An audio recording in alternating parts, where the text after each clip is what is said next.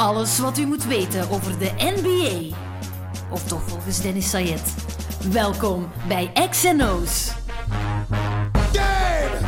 What you heard is what you hearing. What you hearing? It's what you hearing. Listen. It's what you hearing. Listen.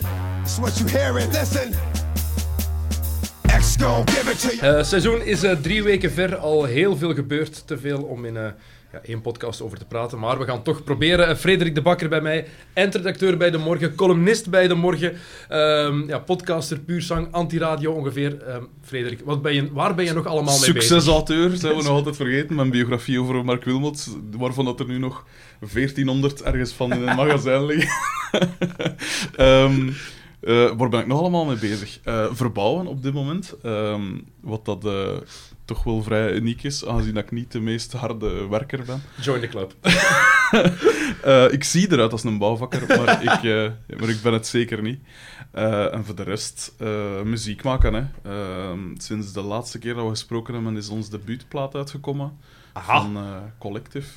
U, u- de, de tienduizenden fans die hier naar luisteren, zullen ongetwijfeld al weten wat voor groep dat, dat is. Ehm, maar die, die, allee, Wanneer is die uitgekomen? die is uitgekomen in juni en ik denk niet dat we... Het is langer geleden dan juni, toch? hè? Ja, ja, het is langer geleden. wel. Het voelt alsof het gisteren was. Ja, absoluut. absoluut. En, ehm, maar die kreeg vrij goede recensies. Eh, ik heb daar redelijk wat spaarcenten in gestoken in, het, in, het, in, in al dat smeergeld dat ik daarvoor moet betalen. Ehm, nee, maar ja, dus op zich eh, ben ik een vrij contente mens tegenwoordig. Dus Eh, nu is het wachten op ja, de opbrengst van de CD, van de het plaat. is wachten op de wachten. royalties. We wachten tot eindelijk... Wo- Wordt het genoeg gedraaid naar je goesting natuurlijk niet. Natuurlijk niet. Dan Wat, gaan we, wat gaan we daaraan doen? Dat is de vraag. Eh, ah, wel, daarom dat ik hier ben, hè. dit is één grote promo-stunt daarvoor. nee, dat Dus om de vijf minuten ga je het woord collective laten vallen. subtiel in, het, in, het, in het gesprek brengen. Hè. Ja, voilà. Oké, we gaan het over de NBA hebben. Hè. Daarom zit hier. je bent Een collectief Oh. van atleten. Hey. Die... Ja, ehm, dat is mooi. Ik wou het net hebben over ja, de golden age van de NBA, daarover beginnen. Want ja, het is het grootste collectief aan, aan, aan een verzameld talent eigenlijk dat we in lange tijd hebben gezien. Hè. Ja. Ehm, het is een heel vreemd begin van het seizoen. We gaan nog niet te veel conclusies trekken. Mhm. Maar als je dat talent bekijkt dat er nu is in de NBA, ik denk dat het niveau van spelers in meer, meer dan twintig jaar nog nooit zo hoog heeft gelegen. Hè. Dat is juist, dat vind ik ook. Eh, alleen eh, vind ik het... eh, ik vind die, de, de verschuiving naar, naar hoe moet ik het zeggen, vier driepuntschutters en één, één center... Ik, je, je kent mij, ik ben een, fan van de jaren 90, het basketbal uit de jaren Ja. 90. En toen was dat was de golden age van de, van de grote spelers, hè, de big men. En dat vind ik altijd zo wat spijtig, dat je dan zo... Ik vind dat wel cool, dat je als mens van 2,16 meter, dat je zo vlotjes binnen ligt van achter de driepuntlijn. Ehm maar ik... mm, Het het is zo... Ik was een grote fan van dat fysiek basket en ellebogen en zo, wat vechten. Ik zat gisteren toevallig nog filmpjes te bezien van Charles Oakley. eh, gevechten van Charles Oakley eigenlijk, of wel eens zo wat... eh, een beetje duwen en trekken. Of Bill Lambier en dat soort mensen. Nu niet dat we daar terug naar moeten gaan. Maar eh, ik, er is zo weinig contact tegenwoordig. En als er contact is, heb je direct schorsingen, wat ik zal u gaan noemen. En, en, en, zo. en dat vind ik een beetje spijtig.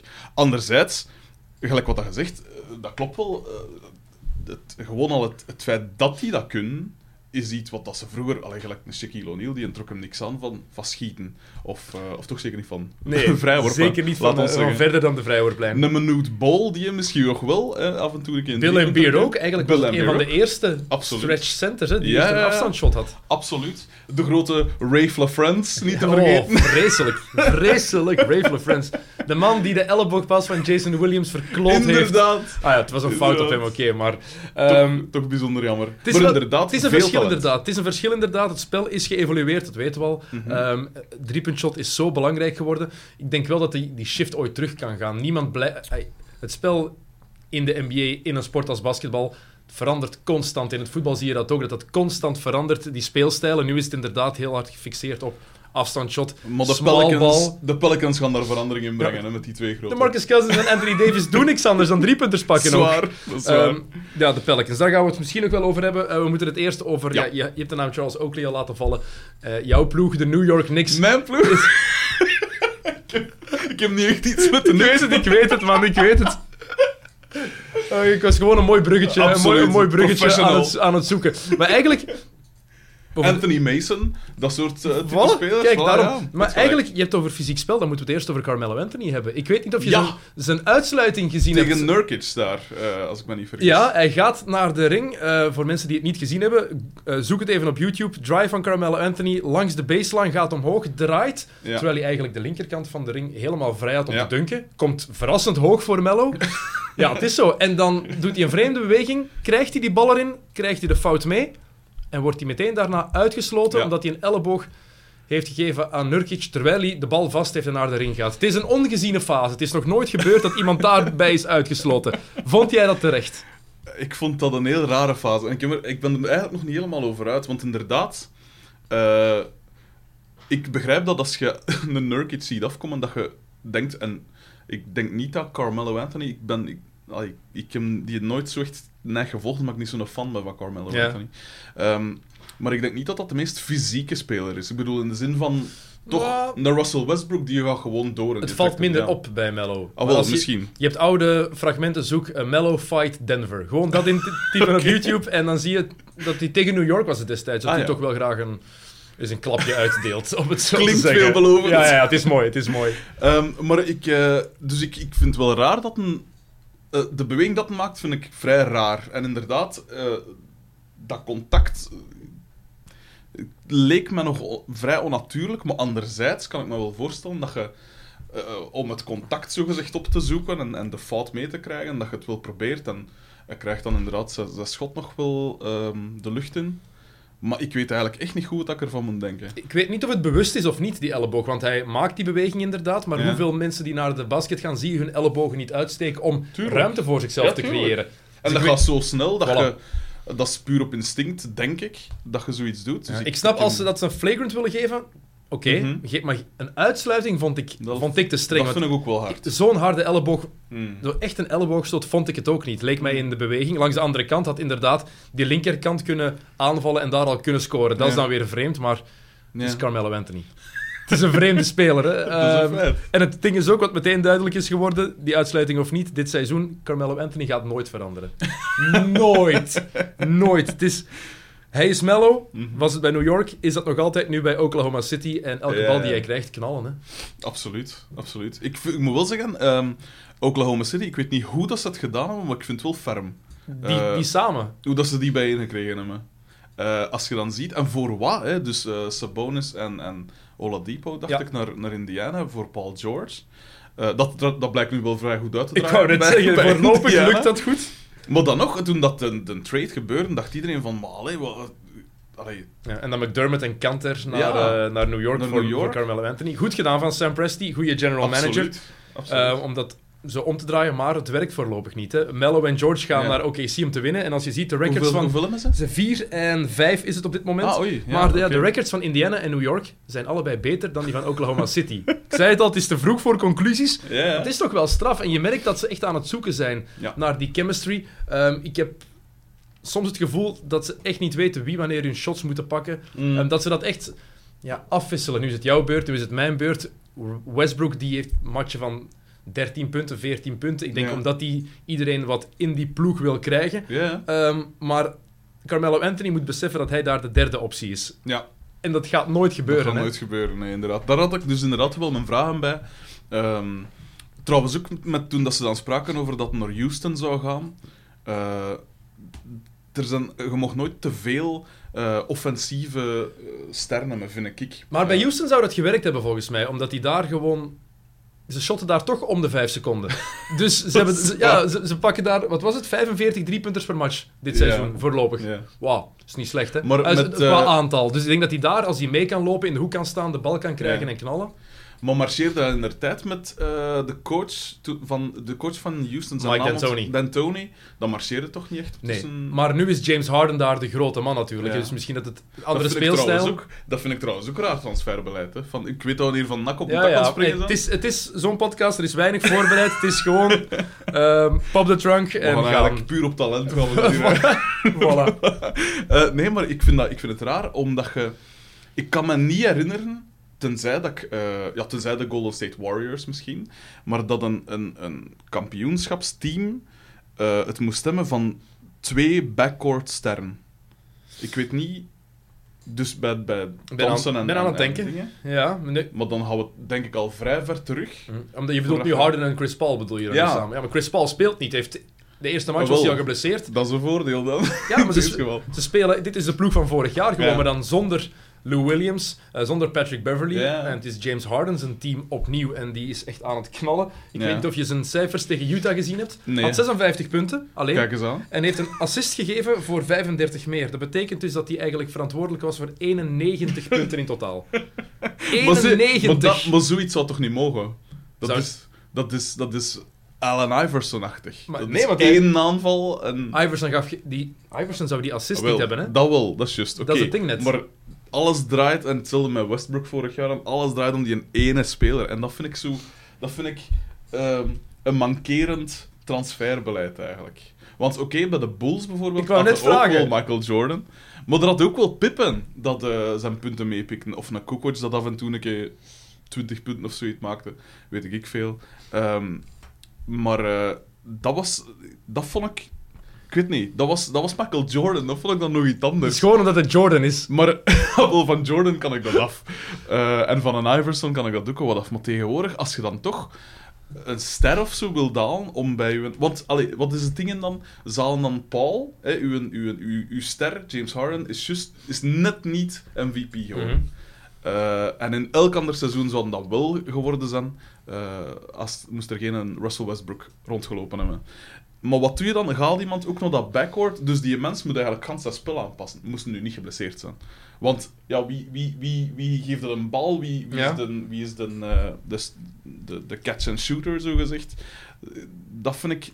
Dat getuigt van, van, van raar transferbeleid. De filosofie van Daryl Morey, de general manager van de Rockets, is... Ja.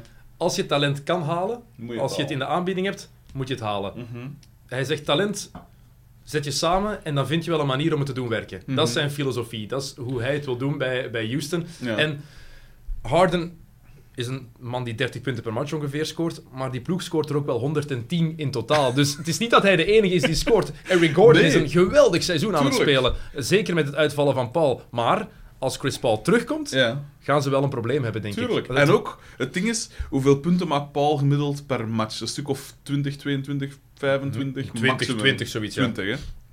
Maar dat had dus ook van Lou Williams, als ik me niet vergis. Maar is anders. hè. Paul, maar als je moet kiezen tussen Lou Williams of Chris Paul, de kwaliteitsinjectie die Paul geeft, is wel een pak hoger. Ik denk ook nog altijd dat hij niet past in de filosofie van Mike D'Antoni, in de Ja. speelstijl. Je zag dat die eerste Ja, match ja. tegen Golden State, stond hij daar echt soms... geweldig, hè. Hij liep verloren. Voilà. Ergens reden trainingcamp was te kort, denk ik. Pre-season was ook te kort. Ja. Daar gaan we het nog even over hebben straks. Ehm, maar ehm, Chris Paul had heel veel moeite om zich daar inderdaad wat in te vinden in, Ja. in dat systeem. En ik weet niet of dat gaat veranderen. Ja, voilà. Het werkt met James Harden als showrunner, maar Mm. vorig jaar de playoffs tegen San Antonio hebben bewezen dat het ook niet voldoende is. Nee, tuurlijk niet. Dus dat is het ding een beetje. Dan snap ik dat je, als je Paul kan aantrekken, Ja. aanpakken. Of het gaat werken, nee. Of hij zijn contract gaat verlengen na dit seizoen, ook nee. Of er een ploeg is die hem een max-contract wil geven, Op die leeftijd. op die leeftijd, Ja. 33 jaar. Ik denk dat hij zich daar eigenlijk wel mee in de voet heeft geschoten. Ja. Ik vraag me ook af, ik weet nu niet uit mijn kop welke big men dat beschikbaar waren eh, deze, deze zomer. Niet heel veel. Niet veel, hè? Maar hebben, ze, ze hebben Clint Capella. Ze hebben geen andere big man Mhm. nodig op zich. Ze hebben Ryan Anderson, waar ze eigenlijk vanaf willen. Ja. Maar als shooter past hij wel in die ploeg, in de Mhm. speelstijl van D'Antoni. Maar Clint Capella, ik vind dat een, een jonge gast. Ja, ja. Met potentieel, werkt goed in het systeem. En je, je hebt Nene op de bank zitten. Ja, Qua big guys, Die in, geeft u ook nog wel iets. ja, dat in deze periode lijkt me dat genoeg. Maar James Harden alleen in dit team, in de playoffs ben je daar niks Ja. mee. In het reguliere seizoen wel. Ja, ja, ja. Dus ik denk dat Chris Paul, als die zijn plaats gaat vinden, ja. wel iets kan doen. Maar ik weet, ik weet niet of hij zijn plaats gaat vinden. Ja, de eerste tekenen waren niet bemoedigend en we Nee, hebben hem niet meer in actie gezien. Dus heel simpel. Ja. Ik, ja, ik blijf het raar vinden. En als je dan ziet dat de Clippers, die vind ik, als je dan die, die ploeg... In het begin dacht allemaal van, maar allee, je, je, je valt zonder Paul en nu is het tijd om te rebuilden. Maar als je dan ziet, zo'n Beverly, ik, ik zeg het, dat is zo'n type speler, ik denk dat ik het vorige keer ook gezegd heb, dat is zo'n type speler dat ik de max vind. hè. Zo'n Gewoon, eikeltje. gewoon volle bak verdediger en, en, en Ja, ja, ja. Ehm, dat soort dingen. En, en wie hebben ze... Ah ja, en dan Lou Williams, ehm, dat ook naar daar gaat. En dan eh, DJ en, en Griffin natuurlijk. En wie dan? Gallinari is En daarbij Gallinari. gekomen. Dat ook perfect eh, in, in dat systeem blijkt te passen. Of, of Ja, nee, dat is zo. Eh, maar de Clippers, ja, hangen heel veel van Blake Griffin af nu. Ja. En vooral Theodosic is uitgevallen met een blessure. Dat betekent dat zo de point guard als spelverdeler hebben Ja. ze nu Austin Rivers die daar start.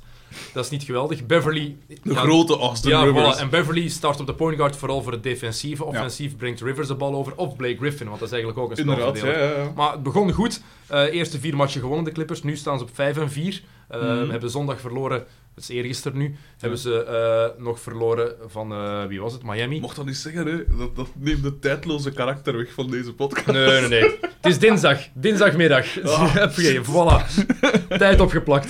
Eh, verloren van Miami eergisteren. En ja, de Clippers zijn een Hmm. middenmotor. Mhm. Niks meer. Maar wat wel goed is, het was- was heel duidelijk nu Ja. dat het niet werkte met Chris Paul. Dat die chemistry daar echt niet was. Er zijn zoveel verhalen Ja, naar boven gekomen. Ja, ja, ja. hij heeft een documentaire, ja, een docu-reeks uitgebracht eh, online, waarin hij het echt heeft en praat over van ja, ehm, de cultuur bij de Clippers, ja, die beviel me niet.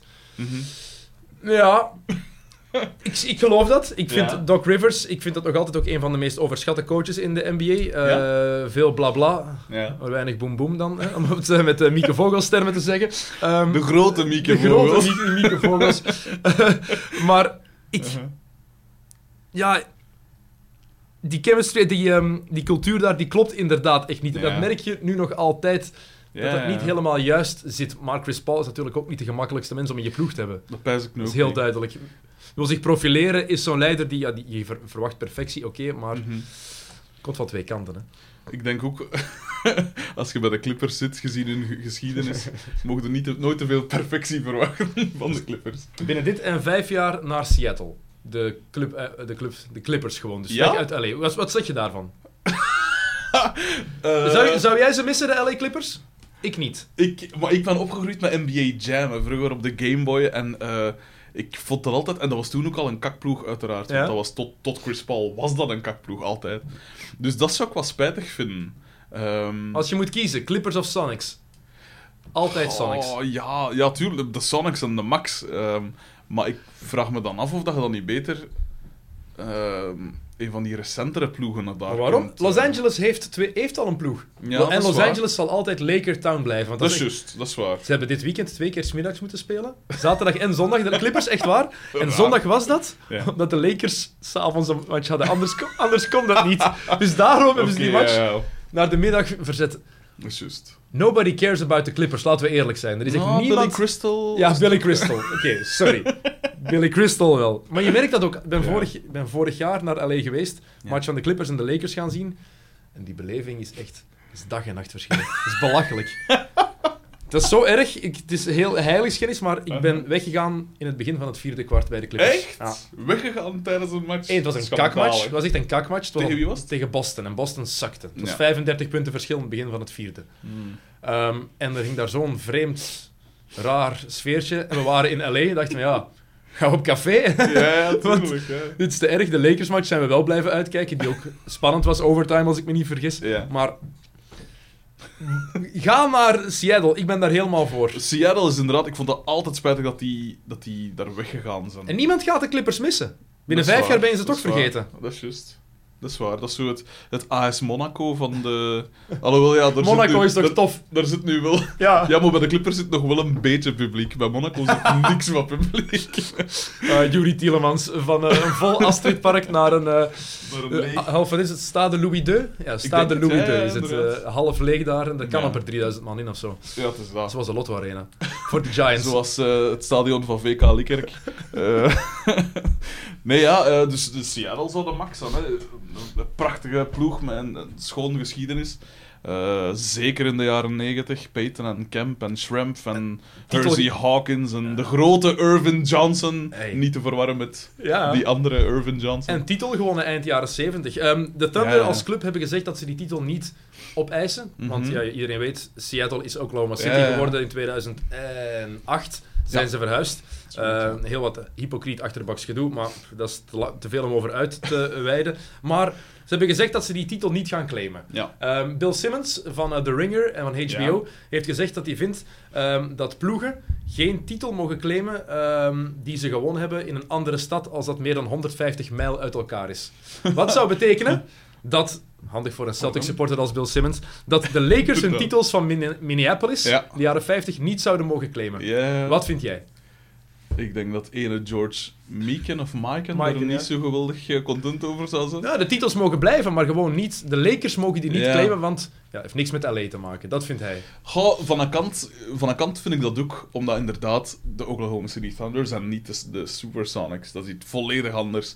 Eh, maar anderzijds, ja, dat blijft wel diezelfde organisatie en diezelfde cultuur dat daar geïnstalleerd geweest is en dan mee verhuisd is, neem ik aan. Maar dan moet je denken, de Sacramento Kings waren ooit de Rochester Royals en hebben Ja. in de jaren 50 een titel gewonnen. Hebben nog drie andere locaties gehad. Ja. Die claimen die ook niet. De Atlanta Hawks waren ooit de St. Louis Hawks. Ja. Titel gewonnen in 57. Ja, ja, ja, Ik denk ook niet dat ze die claimen. En zo kan je nog wel blijven doorgaan De op een San paar... Francisco Warriors, ik weet niet wat die toen een titel gewonnen. Philadelphia Warriors, daarmee hebben ze een Ja. titel gewonnen. De eerste, Met, titel eh, ooit, dingen, de eerste titel ooit zelfs in de Ja. NBA. 47 en daarna met eh, Will Chamberlain Will Chamberlain, hebben ze er nog één gewonnen. Dus Ja. Ja, het is een beetje een rare, een raar onder. Al, Ik bedoel, dat is zoiets van het verleden. En... het is totaal banaal, hè? Ja, het is, het is zo onbelangrijk, hè, maar ja, ik versta het wel. Want ondertussen, ja, die banners hangen daar dan wel, maar ja... Ja, ik, ik, pff, ik heb er eigenlijk niet echt een mening over. Oké, goed. Dat mag, dat mag helemaal. We gaan eh volgende dan. We hebben het, eh, het was eigenlijk een mooi overgangetje naar de Lakers. Perfecte overgang. Niet voorbereid en bruggetjes bij de vleet, hè? Aan de overgang zal het niet gelegen hebben. Nee, alles. Overgang is te fantastisch. Ehm, de Lakers, Lonzo Ball. Ja. De rookie waar iedereen naar uitkeek, één van de rookies. Ja. Want ja, eigenlijk de rookies, veel om over te zeggen. Markel Fultz, ook Ja, wel ja, ja, interessant. zeker, Eerst. Lonzo Ball. Ja. Vind jij hem te passief? Als je 0 op 2 eh smijt, dan zijn je te passief. Als je basisspeler bent. Het is wel heel duidelijk. Het is, het is een speler die de ploeg ja, wil verdelen, tenminste verdelen. Hij wil het spel Mhm. verdelen in de ploeg, niet de ploeg verdelen. Hij wil het spel verdelen in de ploeg, wil echt die point guard zijn. Maar soms lijkt het op hot potato. Als hij die Ja, bal krijgt, meteen Direct afgeven. weggeven. Ja, ehm Lonzo Ball doet mij een beetje denken aan mijn vroegere zelf. Ehm, in die Had zin... ook zo'n vader die zo voor je, voor je opkwam? Ik had geen Hè? vader toen ik basket speelde. Onze Frederik, gaat het hier? Wegsfeer. Nee, eh, ik had... eh, eh, nee, maar ik heb ooit op een seizoen, ik denk mijn tweede of derde seizoen of zoiets, heb ik op één seizoen twee punten gemaakt. In de laatste match. En ik denk dat het zo was van, kom jong, we geven hem die een bal. En mocht een simpel lay-up of zoiets bij een fast break. Ik weet niet wat dat was. Alleszins, in die zin doet het mij dus wel aan mij denken. Eh, en ik was ook wel een van, kom, die een bal, ik moet dat hier nemen. Ik zeg, ik verdedigen. Scoor geile maar. Dus eh, de nieuwe Frederik de Bakker, eh, durf ik wel stellen. Maar ehm, als je basisspeler bent bij de Lakers, dan moet je toch op zijn minst, laat ons zeggen, vier à zes punten toch gemaakt hebben. Oh, allee, in een, in een ganse match. Ehm, en eh, het is, pas op, ik vind het wel dubbel, hè, want dan een andere match scoort, maakt hem dan een triple-double. Ja, tegen Phoenix. Oké, tegen Phoenix. Onder Earl Watson toen nog. Dus het is De grote Earl. Ja, een slechte Phoenix. Nee, oké, toegegeven, dat is, dat is dan wel wat makkelijker. Ehm, maar ik, ik, heb, ik heb altijd een probleem met hypes in, in, eh, in alles. In muziek, in, in, in literatuur, in alles. Een literatuurhype, het bestaat wel degelijk. maar eh, ik... En vooral, ik kan die mensen vader dus niet rieken of zien. Hè. Ik kan dat... Ik kan... wa- hoe- Wat een... Wat een, wat een dip, eigenlijk. Daarom dat, daarom dat ik hem vernoemde. We Ja. hebben een regel hier. We hebben één keer een filmpje laten zien in een uitzending. Ja. En Thomas van de Spiegel heeft toen meteen gezegd: laatste keer. Dus effectief, we laten nooit meer iets zien van LeVar Ball. Terecht. Nooit gebeurd. Kansen genoeg had, maar Terecht. geef die mens geen Ja. podium. Geef die geen platform, dat is één. Nee. Want we kunnen zeggen over die man wat we willen. Het is de schuld van ESPN Ah, ja, en al die zenders dat hij Ja, zo gehyped wordt. hè. Tuurlijk, ja. Want- We zitten alle twee in de media, we weten al- allemaal hoe dat gaat. Hè. Van ja, maar ja, heeft hij niks meer te zeggen? Of eh, bij de morgen is het ook van als Trump iets gezegd heeft, dan moet dat mee in de gazet. Of als weet ik veel, wie op Twitter wat Dus onnozel niet alleen in de morgen, denk je, dat het overal zo is. Als Trump Voilà, zegt, is dan is het overal meteen... Maar dat is de president, Ja. tot daar aan toe. Maar ik herinner me bij K3 zoekt K3 dat dat dan ook altijd mee moest. En dat vind ik dan weer iets eh infantieler. Zo mogelijk. Van Trump naar K3. Het is wel, wel hetzelfde, Hetzelfde nee, niveau. K3 is een hoger niveau dan Trump. Dat is waar. Echt waar, echt waar. Dat is waar. Ehm, maar gelijk Karen Damen in der tijd, dat was dan ook... Minste dat idee, dat, moest, dat stond in de gazet. Ehm, maar om... eh, dus dat vind ik al spijtig, zowel voor die jongen als voor eh, de mensen dat er moeten naar zien, dat die vader zo altijd alles eh opeist. Anderzijds, het heeft er wel voor gezorgd dat, er, dat een constant in de, onder de aandacht was. En een speler met een matig shot of een gebrekkig shot, dat weliswaar goed presteerde in, in, in, op, op college niveau, dat toch wel allee, hoog gedraft is. En, en, en wat dat een ganse... Als Magic Johnson zegt van ziet, we geven nu de sleutels van de, Mm. van de organisatie, ja, dat is dan toch wel niet min. Ehm, maar ik vrees dat het toch een beetje overhyped gaat zijn. Want als je dan ziet wat dan een Kuzma doet, eh, die presteert en die was dan eh, eh, vrij ver in een draft, ik pijs 27e. 27ste, voilà. Eh, dat soort dingen, allee, dat soort spelers vind ik dan... Daar heb ik altijd veel sympathie voor. Een Butler, een Kawhi, een Ginobili. Maar ik denk dat het gemakkelijker is voor zo'n spelers. Je Minder druk natuurlijk. minder druk, hè. er wordt Ja. niks van je verwacht en iedereen zegt, oké, het is inderdaad LeVar Mhm. Ball die voor extra druk zorgt, ben ik Ja. het mee eens. Ik vind het ook belachelijk dat hij dat blijft doen en zo erg doet. Nu heeft hij pas weer gezegd, Lonzo kan groter worden dan Kobe Bryant, puur en alleen door sociale media. Ah, kijk eens aan. Ja, ik snap zijn redenering daarachter wel als je erover nadenkt, maar het, is, het is bullshit, zwijg gewoon. Heel simpel, gewoon je bakjes. Ja, maar LeVar Ball zou ook nooit dat platform gekregen hebben Mhm. en die aandacht van de media als Lonzo niet goed was. Nee, dat is waar. Dus Voilà. het is ook wel de verdienste van Lonzo Ball zelf. En het is inderdaad... Ja. Ik blijf daar nog altijd het Jason Kidd potentieel in zien, want we vergeten Mhm. allemaal, die jongen heeft één jaar college gespeeld. is 19 jaar, Ja, ja, ja. is nog zo jong. En ja, zijn shot moet veranderen, want Ja. als je hem ziet spelen, hij brengt die bal met zijn rechterarm naar zijn linkerschouder. Ja, ja, ja. Heel Heeft raar. die stepback, dat is zijn enige move, want de vraag is ook, kan hij eigenlijk wel dribbelen? Ik weet het niet. Nee, maar echt, ik wil echt dribbelen als een guard. Ik weet het effectief niet. Ik heb al veel gezien van de Lakers en ik twijfel er nog altijd aan of hij dat wel kan. En Charles Barkley heeft voor het eerst in jaren nog eens iets verstandigs gezegd. ja, ja, echt verstandig. Hij zei, Lonzo Ball kan enkel scoren als hij langs links gaat Ja. en over een screen komt. Want langs rechts moeten... En, ja, voilà. Als hij langs Ja, rechts over een screen gaat en de verdediger loopt daar meestal achter, Tuurlijk. zelfs al- als hij onder het screen doorgaat, Mhm. de hand is altijd bij de bal, want hij, hij geeft hem gewoon cadeau. Ja, tuurlijk. En dat is echt een probleem. En in de NBA, als je top wil zijn, kan je dat niet veroorloven. In Europa kan je daar nog mee wegkomen. Alhoewel, in de Euroleague heb je ook goede nog, ja, verdedigers. tuurlijk. maar dat is echt wel een probleem. Ik, eh, ik, eh, ik blijf het raar vinden dat je als NBA-speler, oké, die jongen is nog, is nog jong, dat je zo'n gebrekkige mechaniek, allee, ik bedoel, de, de, de mechanics van je Ja. shot zo gezegd hebt.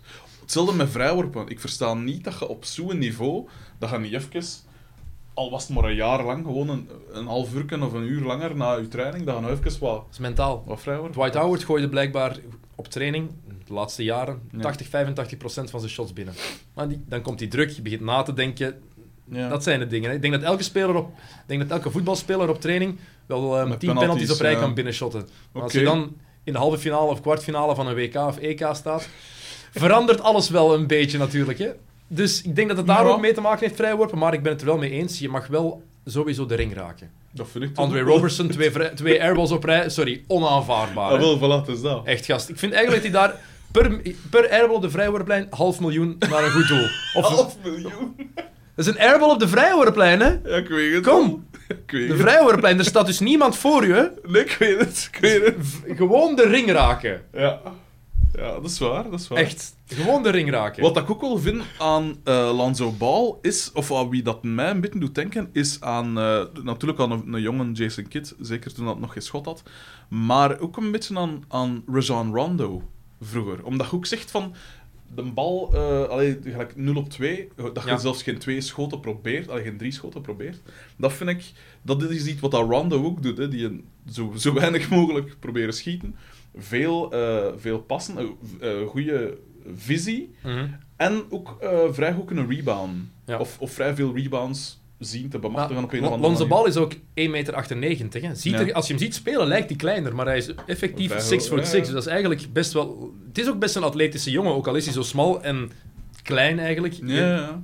Je verwacht dat niet zo. Ja. Eh, Swat, ik blijf team Lonzo, want ik denk als speler dat echt... Ja, de toekomst... Ik denk echt dat hij een hele goede speler kan worden. Ja. Het is, Ja. Hij is zo onzelfzuchtig. Hij, als er iets- misgaat in een, in Mhm. een wedstrijd, dan neemt hij de schuld ook op zich. Ja, tuurlijk. Vind ik al iets knap, want hij zegt, ik heb het van LeBron geleerd. Laten we één ding duidelijk stellen. LeBron neemt de schuld nooit op zich. Hè. Heeft hij nog nooit gedaan, echt van, dit is mijn fout dat we hierdoor verloren hebben. Misschien heeft hij het eens een keer gezegd, maar dat is niet zijn MO. Ehm, andere rookie, eh, Ik wou nog één ding Ja. zeggen. zeg het. Verdedigend, maar verdedigend is een toch niet goed. Nee, En aanvallend is een op zijn assists na ook niet, niet geweldig goed voorlopig. Nee. Dus ik, ik vind het dan wel raar dat je er zo neig achter staat. Pas op, zijn statistieken zijn. Maar sta- los van de Ferm, hè, statistieken zie je dat het iemand is die een ploeg kan doen draaien. En ik heb Mhm. hem vorig jaar bij UCLA veel aan het werk gezien en ik heb ook gezien hoe hij een ploeg kan doen draaien. Ja. Mijn enige probleem is, als hij echt opgeprest wordt, Mhm. dan heeft hij het heel moeilijk. Vorig jaar twee matchen tegen Kentucky, tegen De'Aaron Fox. En twee keer heeft Fox hem afgeslacht. hè. Ja. Dus, en dan komt die balhandeling boven waarover ik begin te twijfelen. En dan, baar ik, eh, dan baart me dat wel zorgen. Ehm, die defense kan aangewerkt worden. Defense is effort, inzet. Defense is dat is inzet, dat is 80, waar. 90 procent gewoon ervoor gaan. Dus ja. ehm, als je ziet dat, dat Kyrie progressie maakt in defense, dan moet Lonzo Ball het ook kunnen. Zwaar. Eh, andere rookie, Ja. Markel Fultz, nummer 1 draftpick. Het is het grootste mysterie in de NBA. Schouderblessure, zijn shot veranderd Ja. afgelopen zomer. In de Summer League leek het nog oké. Pre-season ineens een heel andere shothouding. Shaquille O'Neal zijn shottechniek was mooier dan die van, van Fultz ineens. Het is vreselijk. En dan hoor je, ja, hij heeft een schouderprobleem en daarom Ja. heeft hij zijn shot aangepast. En dan iemand anders die zegt, nee, hij heeft zijn shot aangepast en daardoor heeft Ja, hij een schouderprobleem gekregen. Dan, Dan- komt zijn agent, die zegt, ja, we hebben vocht Eruit getrokken. Uitgetrokken? We iets ik heb nooit gehoord van vocht uit de schouder trekken. En, en dan, ja, nee, sorry, foutje, we hebben cortisone ingebracht. Heel raar. Ehm, ja. En, nu, en nu drie weken inactief. Ja. Als je Philadelphia bent en je hebt zo'n geschiedenis met geblesseerde topics, Ja. Joel Embiid, Ben Simmons, Simmons. ze hebben die jarenlang laten revalideren, zeker Ja, ja, ja, Embiid. ja. Simmons het hele jaar oud. Absoluut. Als ze weten van die schouderblessure, Mhm. geloof ik nooit dat ze hem meteen laten spelen. Ja, ik vind dat heel raar. Eh, ik weet natuurlijk niet wat er speelt achter de schermen, maar gelijk dat je zegt, als je zo'n voorgeschiedenis hebt, dan pakt het toch altijd het zekere voor het onzekere gespeeld met de potentieel, met de carrière van, de, van die speler. Als, dat, is, dat zou toch een gouden regel moeten zijn, en zeker in het begin van het seizoen, Tuurlijk. wanneer dat er nog absoluut niks op het spel staat, Ja? zet die jongen eh, in de tribune en, en zorgt dat hij zijn verzorging krijgt en, en meer niet. Ik versta niet wat dat daar... Wat kan de bedoeling zijn van die toch te laten spelen? Dat is het ding net. Ehm, en dan, dan mag je beginnen speculeren. Ja. Nu mogen we speculeren dat ze daar zo onduidelijk over zijn en zichzelf zo tegenspreken. Ja. Is het wel de schouder? Is hij wel echt geblesseerd? Is het niet gewoon stress? Kan hij er wel mee Ja. om met alle druk? Want ineens, hij leek daar echt onder te begeven. Ja, Ook mentaal. Je zag het, zo'n onzekerheid in zijn ogen. Niet dat ik de, een psycholoog ben of dat ik de, de meester ben in lichaamstaal lezen, maar zo kwam dat heel hard over voor mij. Van, oeh, Ja. die jongen is niet zeker op het veld. Echt totaal, totaal, De totaal nieuwe, niet. de nieuwe Nick Anderson. Ja, Eh, het, het is toch raar als nummer 1 draftpick en dan voor het seizoen zeggen van ja, ik wil eh, Rookie of the Year worden en MVP mijn eerste Ja, jaar. ja, ja. En dan kom Heel je daar in je eerste seizoen en dan Heel raar. stink je. Want het was echt slecht. Maar, ik, eh, maar zelfs dan nog begrijp ik niet... Oké, druk, ik kan, allee, ik kan dat begrijpen, maar in, in die college-dingen zit er toch ook ik weet niet hoeveel duizend man in het publiek en is er ook tv-coverage. Oké, dat is een groter podium dan hè, de NBA, uiteraard. Maar als je in een ploeg zit met Embiid, met een Simmons, dat al met veel van de aandacht gaat lopen, dan... Ik Ja, begrijp niet om het kunnen met verwachtingen. Nummer Ja, 1 oké. draftpick, daar zijn veel Er zijn er meerdere aan eh, toen ondergegaan. Wie was dingen weer? Eh, die een van de Cavaliers. dat- Anthony Bennett. Ja, Ja, dat blijf ik ook nog altijd raar vinden. Ja, de voormalige general manager van de Cavaliers heeft al toegegeven dat het zijn fout was dat hij eh, mee was gegaan even in de hype daar op de campus en dat Ja, Anthony Bennett hype, gewoon te lui was. Dat hij altijd vroeger uit bed mocht komen, zijn... te getalenteerd en groter dan de rest. En dan kwam hij in de NBA, zag je dat hij moest werken en dan wist is hij niet wat hij moest doen. Ehm, ja, eh, ik, pas op, ik, ik kan dat wel geloven van die eh rookie-stress, maar... Ben, ben Simmons heeft er geen probleem mee. Nee, een feit. Totaal niet. Hij heeft een jaar kunnen wennen aan Ja. het leven alleen. Oké, hij heeft Ah, niet gespeeld, maar ik denk dat het wel een rol speelt, hoor. Ja, ja, ja. Op zo'n jonge leeftijd, 19 jaar, ineens alleen wonen in een vreemde stad, Ja, ja, ja. veel geld hebben, ja. niks mogen doen, want je bent 19 jaar, dus je mag, je mag nergens binnen bijna s'avonds. Ja. Ehm, Maar het is daarom dat ze hem juist nu, eh, als, je, als die dan inderdaad met stress kampt, inderdaad, maakt dat hij van dat veld is, laat hij een wat, een wat wennen op zijn gemak. Eh, een Blake Griffin had dat ook, hè, ook geblesseerd in zijn eerste seizoen, en dan wel altijd meegaan en kunnen wennen aan Ja. hoe gaat het eraan toe, en dat ritme en zo. En, en dat, eh, dat is toch ook precies niet zo slecht afgelopen, voorlopig. Simmons is wel de real deal trouwens. Hè. ja, Wat, Dat een, is- wat een beest. dat Al was raar. Twee triple-doubles in zijn eerste negen Ja. matchen van zijn carrière. Dat is zot. Dat is zot. Ik weet nu niet tegen wie dat was. ehm, Ik weet het ook niet van buiten. Want als dat Tegen- inderdaad weer zo een, een Phoenix en, en eh, Dallas of zoiets is, dan... eh Blij- maar het blijft indrukwekkend dat het is straf sowieso, hè. gast is ook 20 jaar en vooral heeft geen shot. Ja. Dat weten we ook. En toch slaagt hij erin om elke keer een manier te vinden om te scoren. Ja. Tegen de Pacers had hij zijn tweede triple-double. Ah, dat is niet slecht. Dat was inderdaad niet slecht. En dan kijk tegen wie Maar- zijn eerste was. Dat vind ik dan wel een, een, dat vind ik dan een veel coolere speler dan een Lonzo Ball, bijvoorbeeld. Snap ik. Omdat die een ook wel direct delivered. Al ik bedoel, eh, je hebt dan niet van die, van die kwesties van oh, oh 0 op 2 en, en allee, dat soort dingen. Die gast is een freak of nature ook is- op een manier. fysiek is echt, is echt indrukwekkend. Hè? En dan die, ja, ook zo wat, eh, een, een type Magic Johnson op een manier, hè. ook oversized tot en met. En, en eh, ja, deliveren tot en met. Hè. Tegen Detroit was eh, zijn eerste Detroit, triple-double. Ja. Detroit en Indiana. Ça va. Vind ik nog oké. ja. Detroit niet- is nu, ja, maar Detroit is defensief nu ook niet echt niet meer wat dat vroeger was. Hè. Eh, die Reggie Jackson, dat vind ik nee, Ik ben ook geen fan van geen Detroit. fan van dingen. Nee. Wel een tweede plaats in het oosten momenteel. Zeven gewonnen, drie verloren. Dus ze zouden wel eens for real kunnen zijn. Ja, raar. Avery Bradley zit daar natuurlijk ook. geweldige pick-up. Ja. Ehm, maar, zwart, Detroit gaan we het niet over hebben. Niet, niet, ja, ik ben... Nee, Detroit... Wat een prachtige ploeg. Eén ding over Detroit. Andre Drummond voorlopig 75% van op de Vrijwoordplein. Voilà. Ja, ja. Voor heel zijn carrière nogthans 38%, maar Ja, voorlopig ja. exact 30 Voilà, of dus 40. Het kan, hè. Het kan, hè. Het kan. Het is gewoon een Ehm, kwestie van inzet. Maar Ben Simmons dus, ehm, ik vind hem fantastisch. Echt waar. Eh, deze week, of vorige week moet ik al zeggen, Ja. gaat hij een drive naar de basket en verandert hij in de lucht van arm. Trekt hij hem erdoor met rechts. Het is ah, heerlijke speler. En ook hij heeft, dat, heeft die vista die, Ja. die je verwacht bij een Lonzo Ball. Ja, ja. Simmons heeft hij ook, maar op een nog mooiere manier. Dit Mhm. is de man die echt weet, lijkt te weten wanneer hij iemand moet aanspelen. Ja, Ehm, ik denk dat die een veel grotere toekomst heeft dan Alonso Ball eigenlijk. Pas op, ik zeg het, Alonso Ball, dat kan ook perfect nog, hè, want een, ik zeg het, een Jason Kidd en, en, Ja. en wie is het allemaal. Eh, maar bij deze zijn er meer garanties, denk ik. Heb je dat ook bij Embiid, die garantie?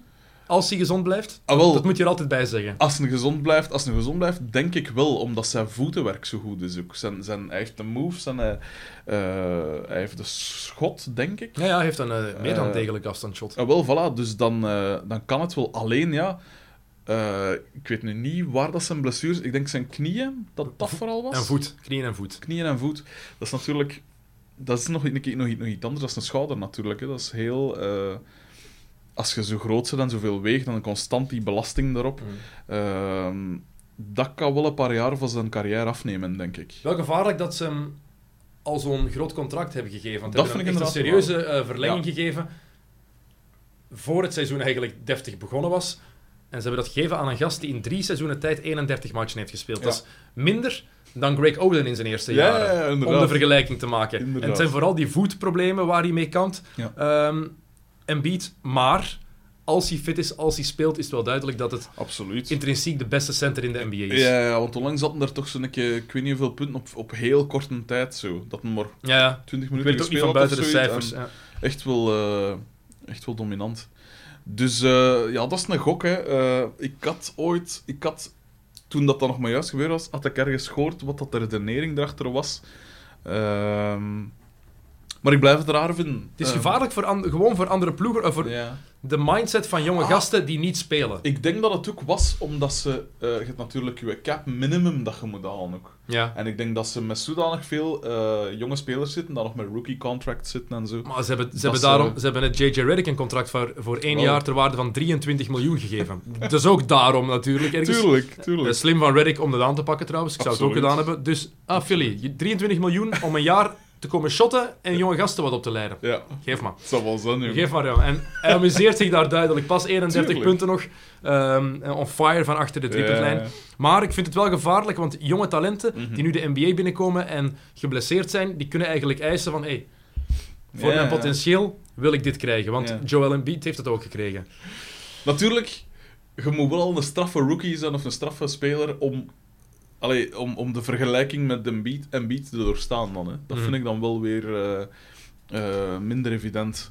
Ehm, maar ja, Het is de, het is de. VS, hè. Je hebt, je hebt het niet voor hypes, maar een speler wordt heel snel gehyped. Dat, hè, In de absoluut. En de. VS. Ehm, wat vind je van de nieuwe shirts eigenlijk? Want Ben Simmons' shirt werd mooi uit elkaar getrokken door Lance Stevenson vorige week. Juist. Raakte het amper aan Ja. op dat moment. En gewoon in twee gescheurd. Ik vind dat zo vreemd. ja, dat begrijp ik ook niet dat zoiets kan. Ehm, over, ik, ik heb natuurlijk wel nog zo geen shirt in mijn handen gehad, dus ik weet niet hoe, hoe sterk Maar dat hoe, het hoe, hoe het eruit ziet, want de vorm is een beetje veranderd, vooral achteraan. Het gaat niet meer helemaal, helemaal rond. Is, Mm. ja, ze hebben alles wat proberen aanpassen en vooral dat big-ass Nike swoosh logo. Als het op PR Ja. aankomt, Ja. niemand doet beter dan Nike. Dat is, dat is een beetje spijtig, hè, want dat was juist de charme aan de NBA, dat, dat dat ongeveer de enige ding was waar er nog geen sponsor op het, eh, op het shirt stond. Maar anderzijds, pff, ja, hoe lang kun je zoiets tegenhouden? En ik begrijp ook wel, als dat inderdaad zoveel geld opbrengt... Pff, En het valt dan nog mee, het is niet... Dat, dat swoosh-logo, logo, oké, dat staat vrij prominent, maar het is niet gelijk bij een voetbalshirt dat pl- plots de kleuren of zo van dat Mm, logo totaal vloeken met de, met de rest van de, van de kleur. Dus al wel vind ik het nog meevallen. Ik had het erger verwacht. Gelukkig is het Ehm. nog niet zoals in de WNBA of zoals inderdaad bij de voetbalploegen. Ja. Ehm, ze verloochenen hun, hun identiteit niet zoals FC Barcelona dat wel gedaan heeft. Ja, ja, ja. Ehm, want die Maar UNICEF, daar, was mooi, snapte Ja. ik, vond, was mooi, maar dat, dat zij een sponsor pakken... Denk, ik denk dat zo'n club genoeg verdient. Ja, maar dat ik zeg, nodig het, heeft. ik zeg het, ik, ik- hoe lang kunnen ze zoiets tegenhouden? Hè? Als je dan ziet dat je... ja, Ja, zwaar. kom. Maar als ze afkomen met, hey, we geven u 200 miljoen of zoiets. Ja, niet nodig. Pas op, ik ben het daarmee eens, hè.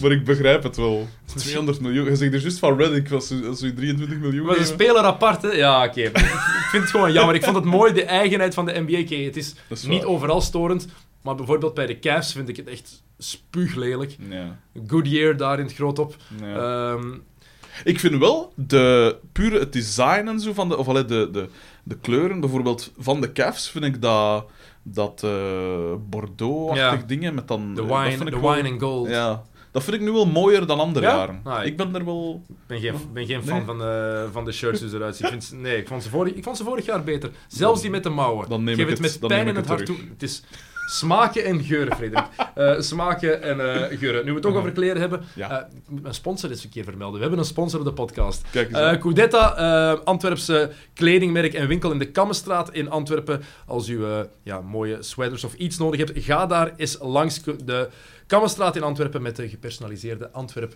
klakjes zelfs. Pet- Oh. Petjes. Eh, niet voor Antwerp supporters, maar om de stad Antwerpen te promoten. Dus laat dat eh, duidelijk zijn voor de mensen die voor Beerschot of voor Berchem zijn. Iedereen heeft het altijd over Beerschot Wilrijk. Sorry, Ja, ja, ja. Moet Oh, erbij oh. vermeld worden. Wilrijk.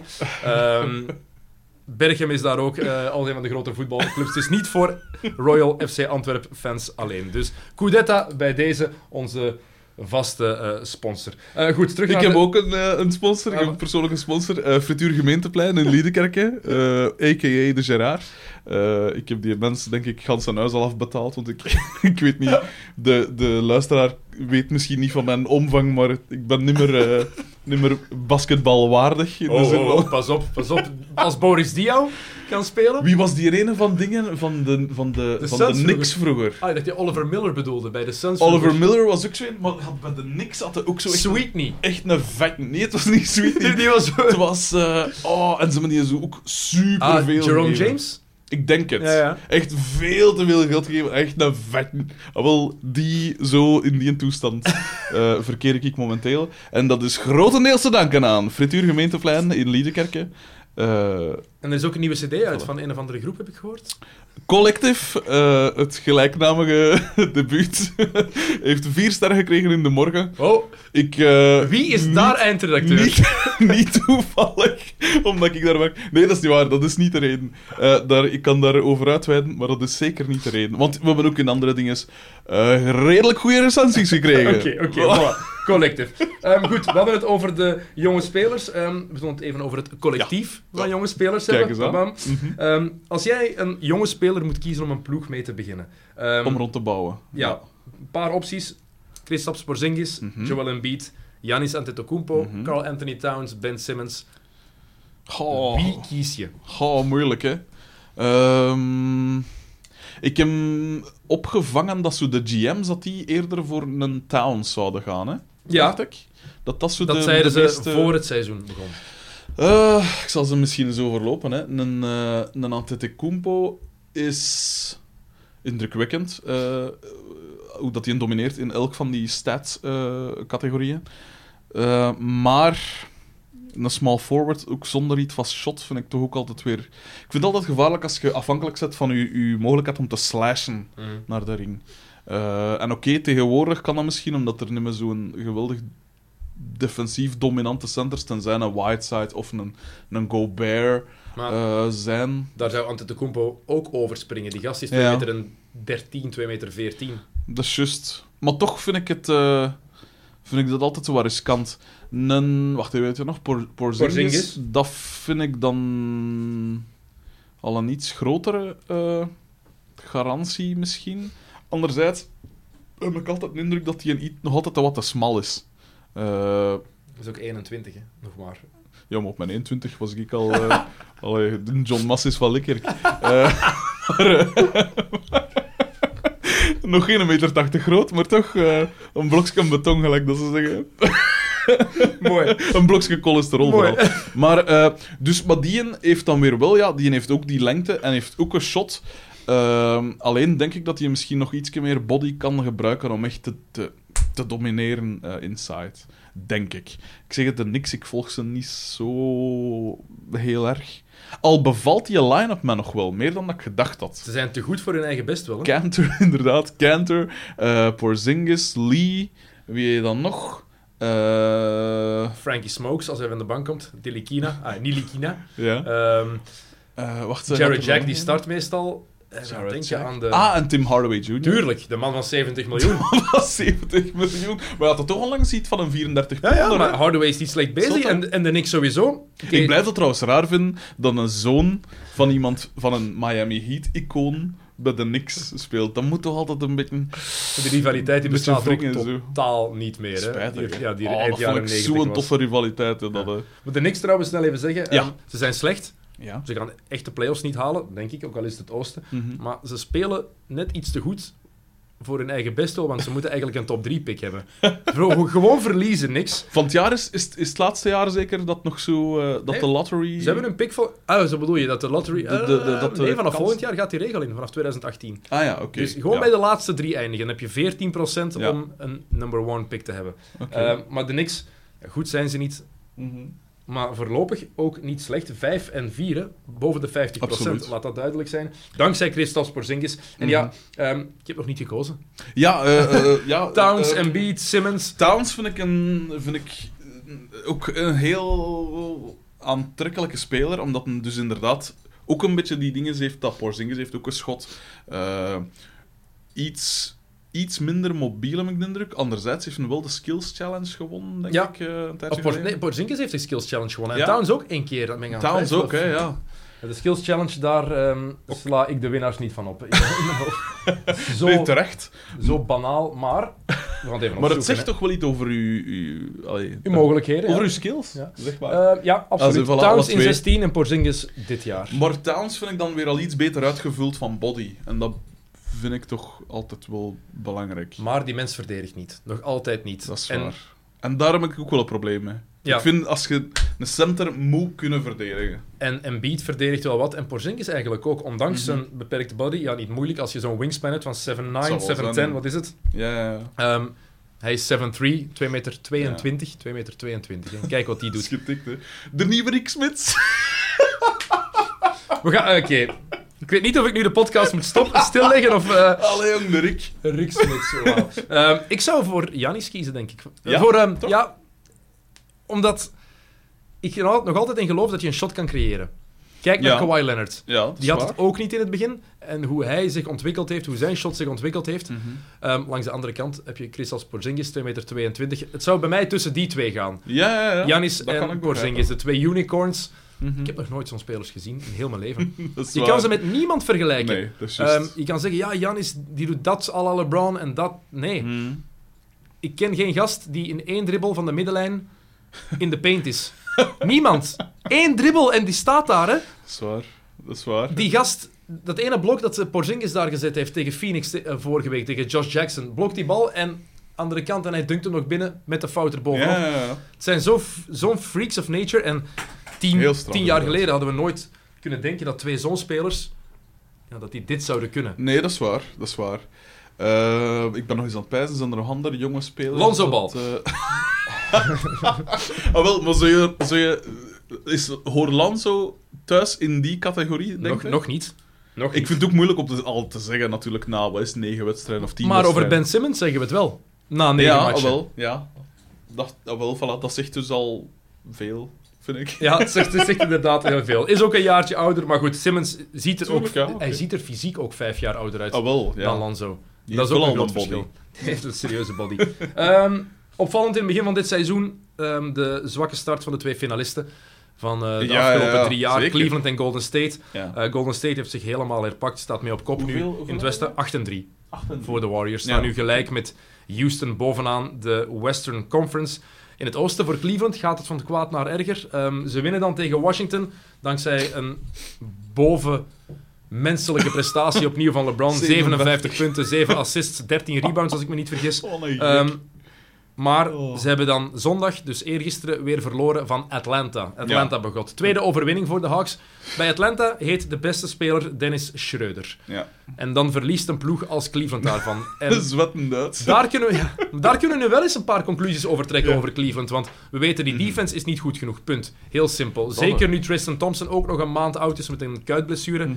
Die defense is slecht. En LeBron verdedigt zelf ook te weinig om die beter te Zwaar. maken. Maar ja, als niemand meedoet...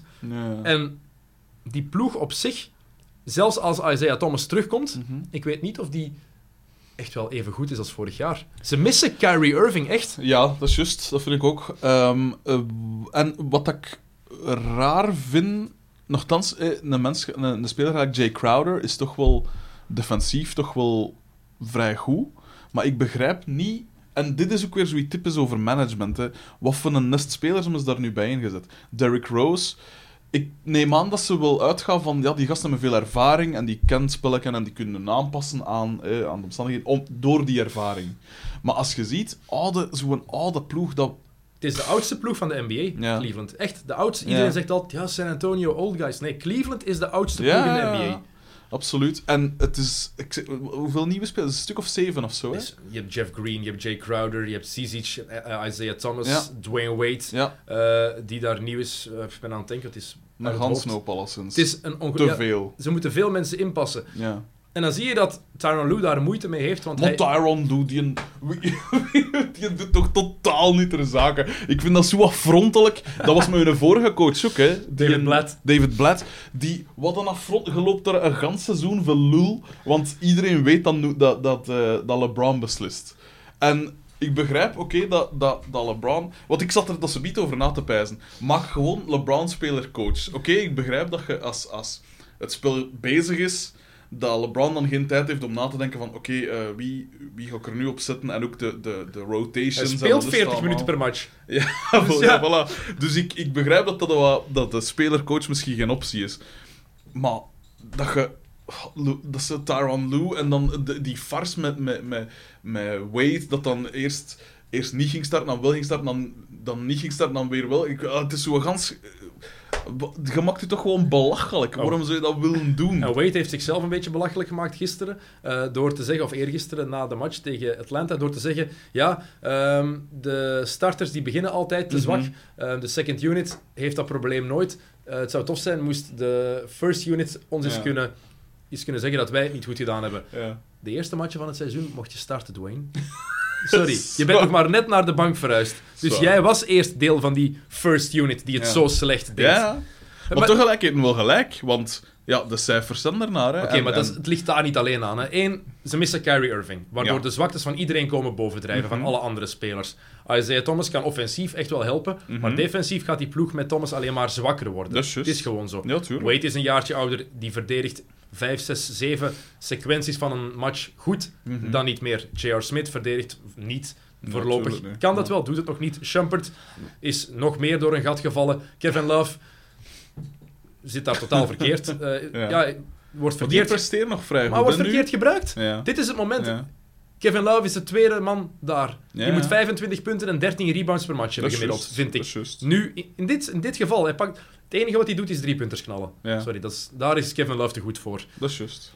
Jay Crowder, Ja. die heeft al twee jaar niet meer echt goed verdedigd. Mhm. Kan dat, doet dat niet meer. En dan is Tyron Lue de man die nog liever voor Jeff Green kiest dan voor Jay Crowder. En het is de zoveelste coach die in de Jeff Green val is getrapt. Ja. Ziet er altijd fantastisch uit wat hij doet, maar hij maakt elke ploeg slechter Ja. waar hij speelt. Gelukkig hebben ze nog de defensieve stuwdam genaamd Kyle Korver, die ook werkelijk nooit verdedigd heeft. We, lachen, we lachen er nu mee, Ja. maar ik dacht voor het seizoen Cleveland gaat het oosten winnen. Ik denk dat nog altijd. Gewoon, ik, dacht ik, dat, ik ja. wed niet meer tegen LeBron. Nooit meer. Nee, dat Dat is tot hij tot hij het tegendeel bewijst en Ja, tot hij echt ja. van die cliff valt. Mhm. denk ik, LeBron wint het oosten. Heeft Ja, hij genoeg ja. bewezen, zijn track record.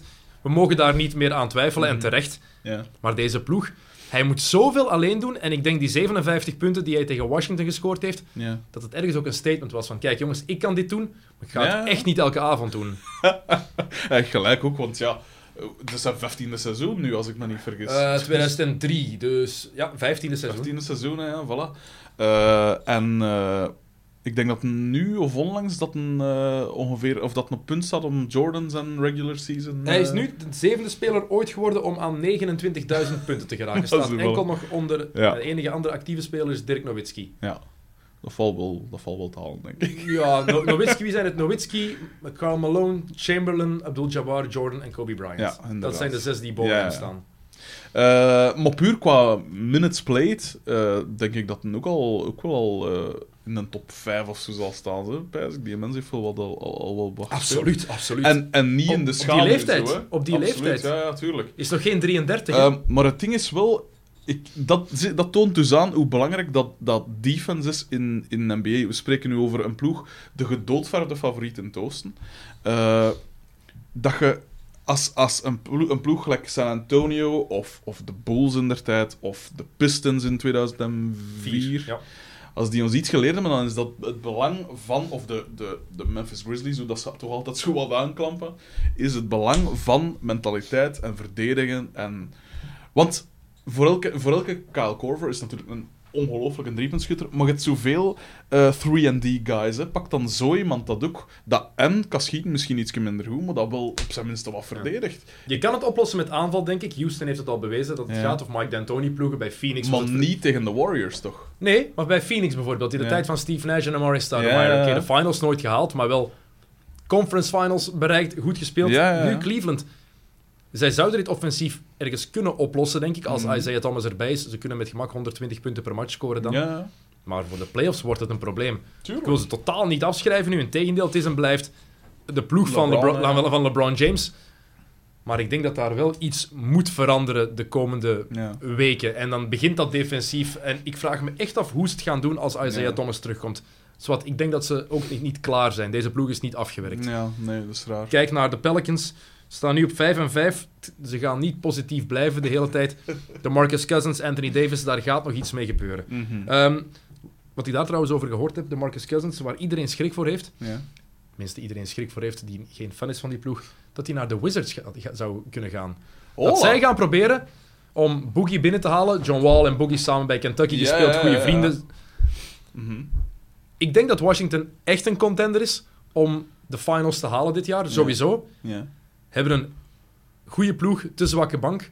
Ja. Maar als jij weet, we kunnen Cousins binnenhalen. Je kan een trio vormen, Goh. Beal, Wall, Cousins. Gooi je daar de halve bus... Je, en bijvoorbeeld, je kan Otto Porter en vier toekomstige picks geven. Of Kelly Oubre en vier toekomstige picks. Je gaat veel moeten opgeven, hè. Maar ik Ding denk... is, zijn, con- zijn contract loopt af, hè, dacht ik, Ja. van Cousins. Ja. Maar je moet dat toch doen? Dit is toch het moment als je Washington bent ja. en je voelt dat Cleveland zwakker is en je weet, Ja, Gordon ja, ja. Hayward is er niet bij Boston, is heel het jaar oud, hoe goed de Absoluut. Boston het ook doet, Ja. dan is dit je kans. Dat is waar. Daar zit zeker, zeker iets in. Alleen...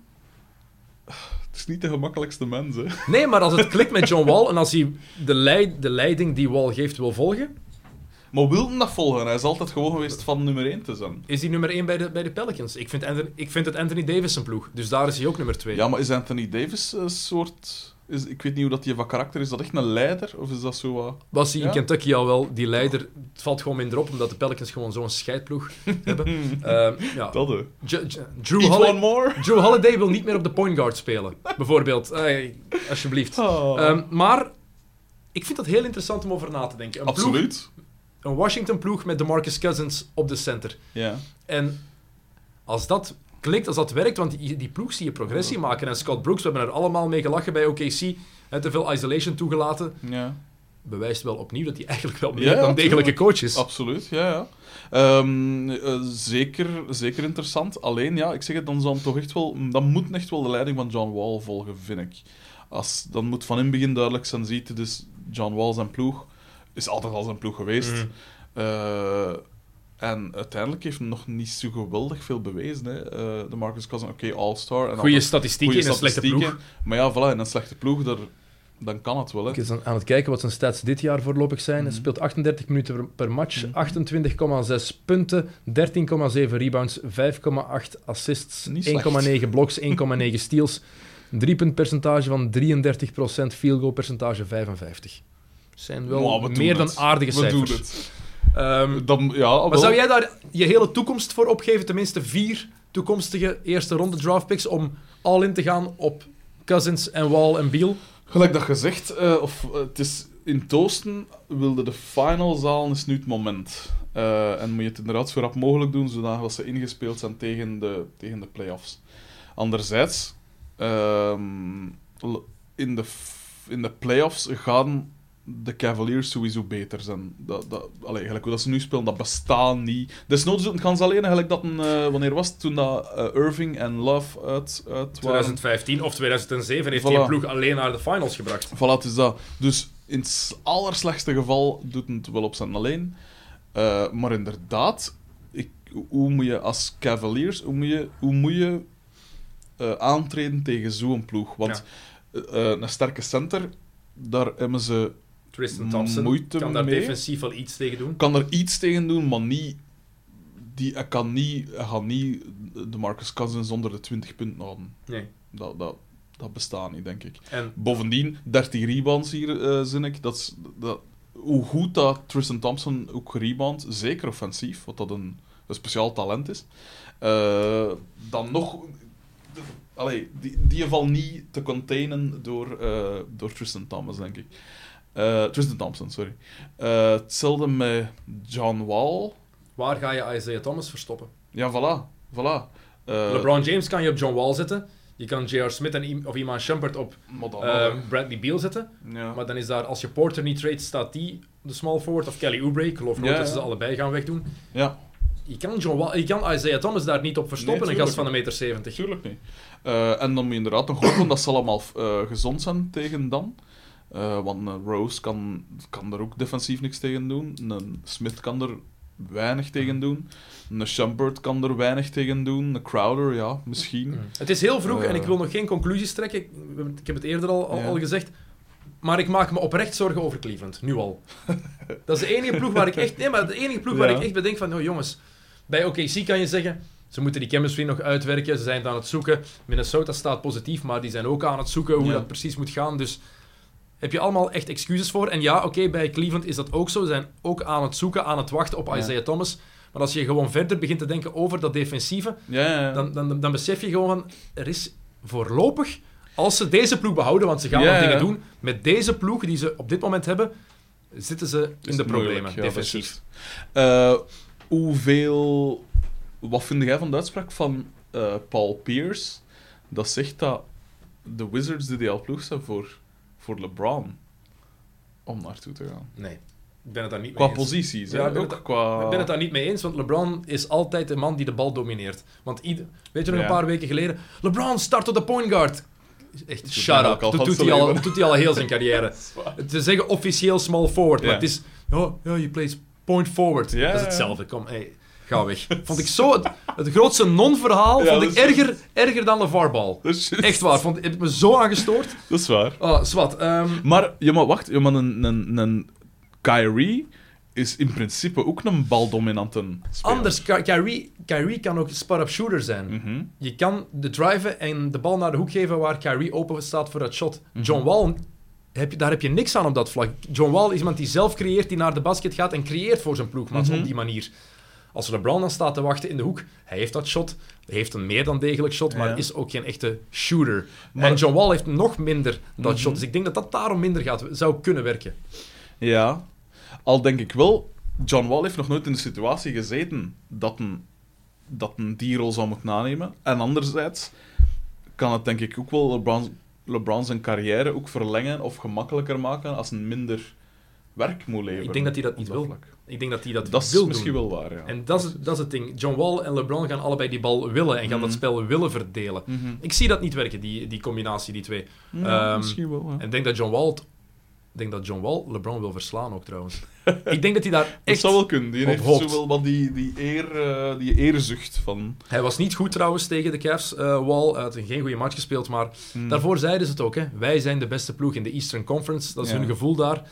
Ehm, voorlopig is het niet waar. Voorlopig is het Boston. En Boston dat het trouwens fantastisch doet. Ik zou het wel spijtig vinden voor Gortat. Ik heb hem altijd iets gehad voor Marcin Gortat. Die zouden dus ook mee kunnen wegdoen voor eventueel Cousins Dat binnen te zou zo halen. spijtig zijn. De Polish Hammer. Ehm, we hadden het over de Cavs en het slechte seizoensbegin. Eh, de Ja. Warriors, die ook zwak begonnen waren. Nu dus 7 en 3. Eh 8 en 3 beter gezegd, gelijk met eh, Houston. Ehm, het was moeilijk Hmm. dit seizoen om te beginnen. Ehm, ik denk dat een van de grote redenen daarvoor is... Bij Cleveland kunnen ze dat minder gebruiken, tenzij, behalve Tristan Thompson, die is Mhm. mentaal helemaal op. Dat merk je echt niet moeilijk. Gast heeft in het begin van zijn carrière altijd alle 82 matchen gespeeld. Mhm. En dan drie seizoenen op rij, een run tot in de finals. Dus amper twee maanden vakantie. Ja. We denken twee maanden vakantie, dat is veel. Niet na zo'n slopend seizoen. zoveel reizen, zoveel, zoveel weg zijn. Ja. Excuseer. Maar die mentale rust, je merkt dat de Warriors dat ook nodig hebben. Ah, nodig hadden in het begin. Ze hebben een derde jaar op rij de finals gehaald. Ze zijn naar China gegaan in het preseason. Het preseason is korter geworden. Mhm. NBA-seizoen is vroeger begonnen. Ja. En je merkt, sommige ploegen hebben vijf maanden, zes maanden tijd gehad. En zij Mhm. amper twee. Mhm. En dat stak nog in die kopjes. Zeker bij de mannen die het al jaren doen. Zo. En Durant vorig jaar de finals gehaald. Het was voor het eerst sinds 2012, maar daarvoor altijd conference finals. Zwaar. Ehm, en die ploeg is grotendeels hetzelfde gebleven, dus die vermoeidheid is er bij iedereen. En Sean Livingston zei het ook. Dit is het moeilijkste se- seizoen voor ons allemaal. Mentaal gewoon. We moeten gewoon daarover geraken. zwaar. Bovendien denk ik, denk ik dat Nick Young ook wel vermoeid zal zijn van al zijn eh playoff eh, avonturen in het verleden. maar eh, ik denk ook dat dat wel iets is, ook iets is, iemand is om aan te wennen in uw kleedkamer, zo'n Nick Young. Ehm, maar... ehm, Niet vergeten de combinatie Young en JaVale McGee. Hè. oh, Ja, ja. Ja, ja, ja. Absoluut. Shaq to the fool. Ja, ja. Dat is een Ehm, dream team. Maar ik vind wel, om nu even op McGee voor te gaan, dat als je ziet, in, in, als die in de juiste manier gebruikt wordt en met de juiste ondersteuning, dan kan het dus wel degelijk. Ik denk Het dat lijkt me wel een dom loeit, hè, pas op. Ik bedoel, in de zin van dat een op, op, op het plein dat even gewoon dat een in zijn hoofd enkel zo'n blauwe lucht eh, heeft. Ja, ja. Eh, maar ik denk wel dat hij van waarde kan zijn, ook gezien zijn fysieke. Die heeft ook een, een, een, een spanwijdte van, van 12 meter of zo.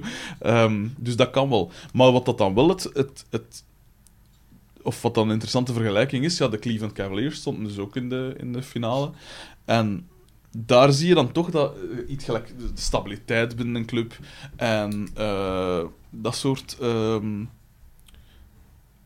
dat, dat die dingen, dat dat toch wel een groot verschil maakt, denk ik. Tuurlijk. Want als je ziet, de eerste matchen van de Cavs waren tegen echt de, vrij, een heel gemakkelijk eh, ze, hebben al, dingen. ze hè. hebben al verloren van de Pelicans, van Orlando, Van de Nets, van de Nets ik. hebben ze De verloren, Knicks. eh, van de Knicks hebben ze verloren, eh, van Atlanta hebben ze verloren. Voilà. Dus ze hebben echt verloren van ploegen die totaal, waar geen rekening mee werd Dus gehouden dat. in, het, in verband met de playoffs. dat is juist, voilà. En eh, dan zie je toch het verschil tussen een organisatie gelijk de eh, Golden State Warriors, waar dat, dat bestuur duidelijk de touwtjes meer in handen heeft als in, eh, als in Cleveland. Maar die continuïteit was er de afgelopen jaren wel in Cleveland. Hè? Dus dat is iets wat nu door die trade van Kyrie gebeurd is. Als Kyrie was Ja. gebleven, was, dat er, was die ploeg niet veranderd geweest. Dus dat ligt da- meer Ja. aan de trade van Kyrie Mhm. en aan Irving zelf, die dat gevraagd heeft, dan aan de organisatie.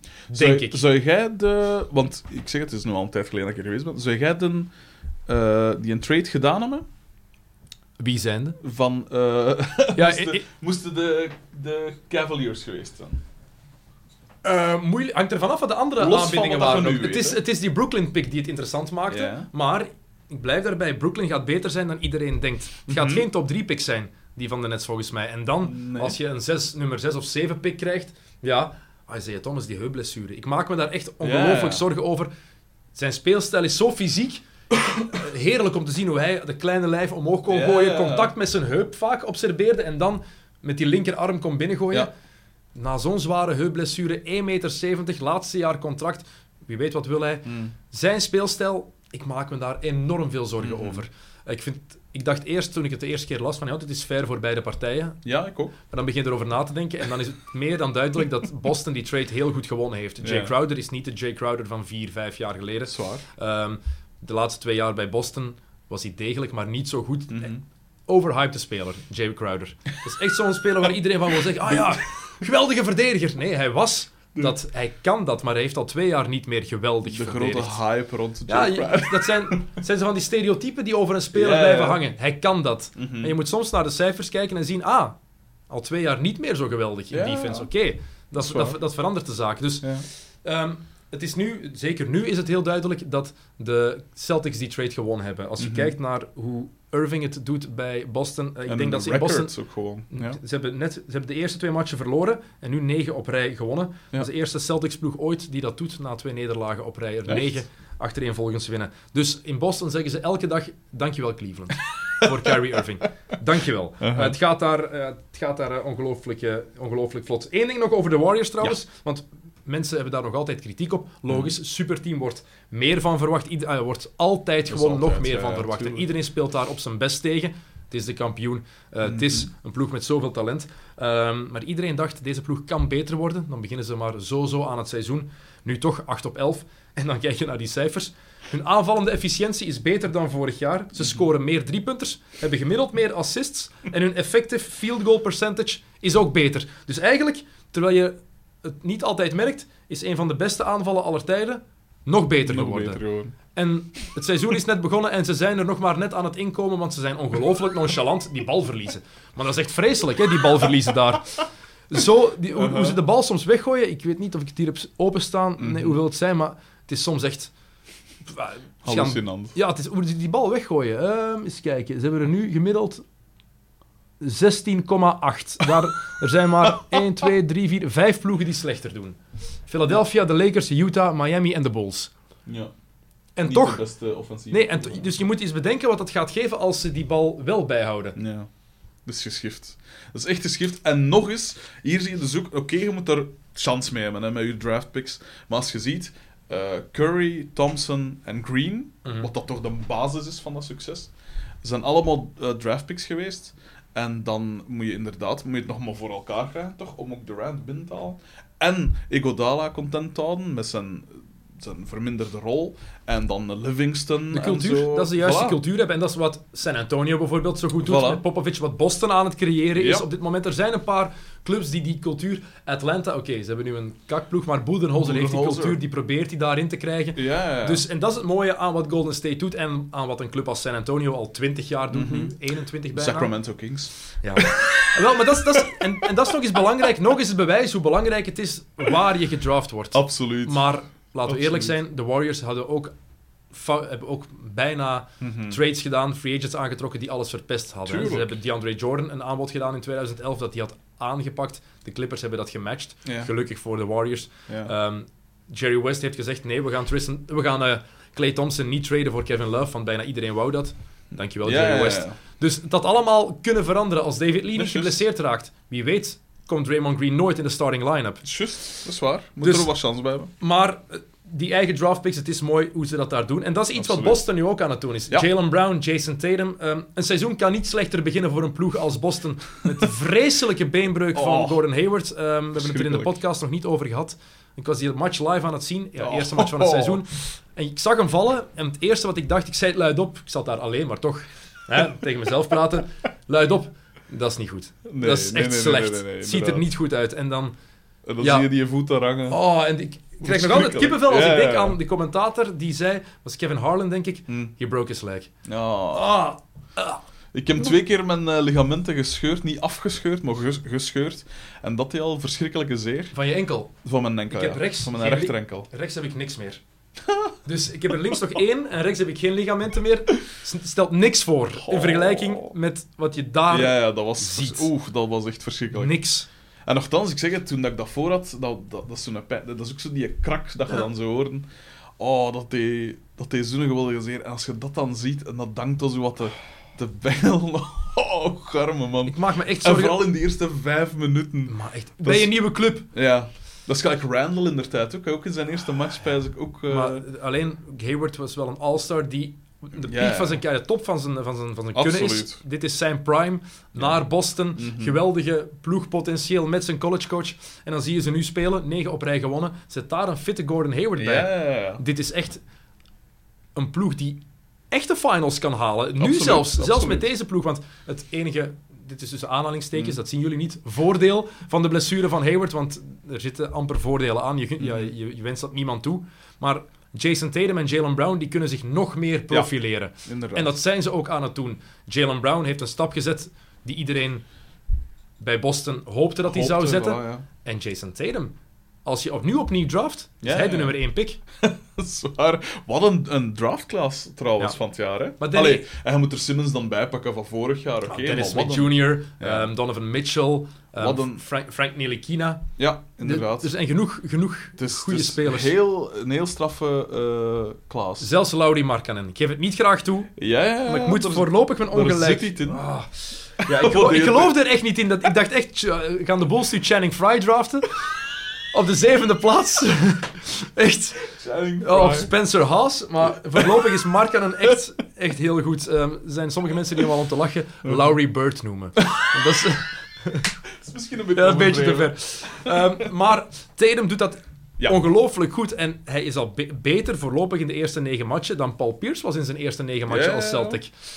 Met andere woorden, dat staat al vast voor de komende 17 jaar of wat is het? Ik denk wel dat de Celtics de real deal zijn. Mhm. Echt, echt een goede ploeg. 9 en 2. Beste ploeg in de NBA op dit moment.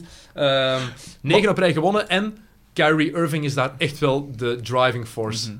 Maar als we nu hetzelfde doen, gelijk met de Marcus Cousins, zou jij nu het risico nemen van een Cousins binnen te halen? Cousins niet Anthony Davis elke dag van de week. Ja, als Stel je ze- eens voor- Als ze kunnen. Maar, Maar- het kan, hè? Anthony- Maar als, loopt hij het- zijn contract af? Nog niet. Nog niet, hè? Dus, moet ik even opzoeken, weet ik niet van buiten. Maar stel je eens voor, dus Schitterende speler, natuurlijk. De Pelicans- en past ook bij Boston. Mhm. Omdat hij zich wil aanpassen aan dat systeem ook meer. Mhm. Uh, maar stel je eens voor, de Pelicans die zijn slecht tegen februari. Het is Ja. niet zo moeilijk om in te beelden. Hè? Nee, dat kan ik me Ehm, iets bij voorstellen. Ja. Dan zie ik Anthony Davis Ook weg. weg willen. eh, Sowieso zie ik hem weg willen. New Orleans. We zitten met de contract van Davis. Dat loopt nog. heeft een spelersoptie in 2021. Dus staat nog zeker Een paar jaar. met dit seizoen erbij. Drie seizoenen onder contract. Ze gaan dingen moeten regelen, Mhm. moeten goochelen. Als één iemand dat kan, is het Danny Ainge. Heeft hij al wel genoeg bewezen. Absoluut. Als dat gebeurt, ja, dan ziet het er mooi uit. dan, maar dan heb je ook een ploeg die de, de Warriors effectief kan bedreigen. Irving, Ja. Brown, Tatum en Anthony Davis. Brown- En dan komt Gordon Hayward nog terug volgend jaar. Hè? Ja, ja, dat is waar. Maar Brown en Tatum, daarvan moeten we nog zien of dat ze het, of dat ze tegen het einde van het seizoen, of ze dat nog altijd kunnen. Want Ik die heb- gaan sowieso een, een dip nog Ik krijgen. heb het niet per se over dit jaar bedreigen. Ah ja, maar volgend jaar, het jaar daarna. Dit is echt, Dat is dat is, waar. dat is echt wel een geheel dat het oosten terug nog gevaarlijker maakt. Ja, en waar. waarvan je kan denken, LeBron, Je hebt Veel succes. Ja, veel succes nu om door het oosten te raken. Zwaar. Eh, ja, dat is, dat is absoluut waar. En het coole daaraan is ook dat Boston zo'n een, een prachtige geschiedenis heeft. Ik vind het altijd cool als een ploeg met... eh, als een mooie ploeg eh, weer succes heeft. Hetzelfde met de Sixers of zo. Ik hoop eigenlijk dat die wel... De originals, hè. Ja, De originals, de, de Ja. ploegen die er van in het begin bij waren, het zijn er niet veel meer. Hè. De Knicks, de Sixers, ehm, de Lakers, de ja, Celtics. Ja. Het zijn gewoon die traditieclubs eigenlijk. Waar je, de Bulls horen daar inmiddels ook bij, ook al waren die er pas in 66 ehm, in de NBA. Je hebt zo'n paar clubs echt waar je van denkt. Ja. Maar de Bulls, en ik pijs dat ik het vorige keer ook gezegd heb, smijt dat bestuur naar buiten. Maar echt, man. Wat een vreselijk bestuur is dat. Ik, ik word er ziek van. Oh, altijd verkeerde draft picks, altijd slechte trades. Oh, nu, wat voor een kutploegen is er nu weer bij gesmeten. Ik, ik, ik kan het niet vatten. Ik kan het... 2 op 8 hebben al twee keer gewonnen. Al meer dan ik gedacht had. Echt waar. Ze hebben al twee keer ja, gewonnen. Wat is dat er? eh, wat, wat- voor welke trade hadden ze Cameron Payne eh, binnengehaald? Het was voor eh, Gibson en, en eh, McDermott naar OKC te sturen vorig jaar. Gibson, ik vind dat... Ik blijf... Ik pijs dat ik het vorige keer ook gezegd heb. Gibson, ik vind dat zo'n fijne speler. Defense, rebounding. Zo af en toe, ja, toch een beetje punten en zo. En dan hadden we fucking Cameron Payne Ja. binnen. Wie, wie is dat? En Geoffrey Lauvergne was er ook bij toen. Hè. Eh, Loverne, ja. Die nu Anthony Morrow. Spurs? Spurs, ja. Spurs, hè, ja. Anthony Morrow, ja. ja. Ja. Frederik, we gaan, we gaan zo afronden. We zijn al lang genoeg, Is eh, gedaan? Zo Ah, lang genoeg bezig zo meteen. Ja, ik moet binnen acht minuten trailers gaan inlezen. Ah, is het Dus echt? het is, het is, het is Ah, daarom. jij moet nog werken vandaag. Ja, het is Ah, hey, het is meer dan basketbal. eh Hoe jij, verdient nu geld hier niet meer? Nee, of- hier verdien ik ook 0,000000000. Moet je het wel een sponsor, wat dan meer is dan dat Ja. ik bereikt heb de afgelopen Kan ik... drie De jaar. sponsor houdt me warm. Letterlijk. ja, letterlijk. Het is echt letterlijk. Eh, is er nog iets wat jij kwijt wil over het begin van dit NBA-seizoen? We hebben nog Goh. één topic naar keuze. Ehm, Druk, één druk, topic druk. naar keuze. Pff, eigenlijk, eigenlijk niet echt. Ik hoop dat er... eh, ik hoop dat de big men weer in, in ere hersteld worden. Ik hoop dat er weer verdedigd wordt. En ik hoop dat er ooit wordt afgestapt van die ridicule eh, no-contact regels.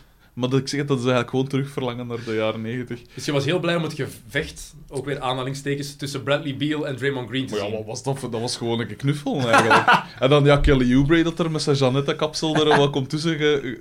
Allee, een paar, een paar slagjes uitdelen. Pff, het is toch niet meer... Ik zeg het, jong, vroeger had dan Oakley of een, een Rodman dat dan weliswaar nooit een slag uitdelen. Of een Barkley dat even de pedalen verloor. Carl Malone, dikke Karl vetzak. Malone. Ja, kom op. Wat een vetzak. Malone was echt een... Die zit aan het beste lijf tot, van de NBA tot Niet, letterlijk, hè. Figuurlijk Ah, oké. een vetzak, hè. Er was niemand die meer ellebogen uitdeelde Dat is dan Carl Malone. Dat is waar. Hoe die daar is mee weggekomen al die Dat jaren, hè, dat is, abnormaal. Toch een prachtige speler, hè. Ah, ik, ja, nee. Dat, dat- Nee, nooit van als, Van als, Jo- als Jordan-liefhebber kon dat niet. Als Ah, nee, kind, je moet denken, de finals, de eerste keer dat ze tegenover elkaar stonden, werd ik 12. Ja, ja, nee, Dan- ja. en je bent voor één speler, dus één ploeg, dan haat je iedereen bij de andere ploeg. En toch, en toch, ik zeg het, ik ben ook een zware Bulls van, eh hè, juist gelijk als u, opgegroeid toen. En, en dan nog een Rodman in de rang. En dus dat was absoluut zeker mijn ding. En toch ben ik altijd een John Stockton van geweest. Echt? Ja, echt waar. Eh, voor veel mensen een heel lelijke speler. Maar, ah, Nog zo'n vuile speler. Eh, absoluut. Maar ook wel tough as nails. Hè. Ze zeggen dat altijd van... eh, wat was het? Chris Webber? Dat zo'n keer zei van... Ja, ik kon... mijn eerste actie of zoiets, ga ik hem nog een keer tegen de grond werken of zoiets. En dat hij dan recht stond en zei van... eh, nice, eh, nice screen of zoiets. Gewoon, en verder niks. en Zo. Gewoon even laten zien van... Niet onder de indruk. Ik kan daar En tegen. heerlijk passenspel en, en heerlijk on, on, onbaatzuchtig. Ultieme point guard. Die een tandem met Malone en zo. Ja. Ik was altijd een zware eh, Stockton van. Oké, on that bombshell. John Stockton, daarmee eindigen. Frederik, fijn dat je er nog eens was op de podcast. Met veel plezier. Bedankt. Ik bedank u voor het luisteren, dames en heren. En vergeet u niet te abonneren. Antiradio. Eh vergeet het Oh. album van Collective eh, niet te kopen. Eh, kunnen ze downloaden via iTunes ook? Absoluut. Voilà, downloaden, kopen. Ehm, vergeet niet ehm, ja, de columns van Frederik te lezen op De de, website van eh, De, Morgen. Jammer genoeg nog achter paywall, maar... ehm, Moet er iets voor over. Spreek uw vrienden aan met de morgenabonnementen. Hè, dan kan u dat toch nog lezen. En, Trouwens, je kunt ze ook gewoon gratis lezen op Eh, Facebook.com slash Frederik de Bakker schrijft. Ah, voilà. Voilà. Of ehm, ze kunnen de morgen kopen. Of... Uiteraard, uiteraard. Maar je kunt ze dus ook gewoon gratis eh, vinden op Facebook. Voilà. Dan worden ze toch door iemand gelezen. Voilà. En deze podcast die blijft natuurlijk ook gratis. Jongens, toch echt liefdadigheidswerk op een eh, dinsdag in eh, november. Absoluut. Goed, en bedankt voor het luisteren. En tot de volgende X&O's.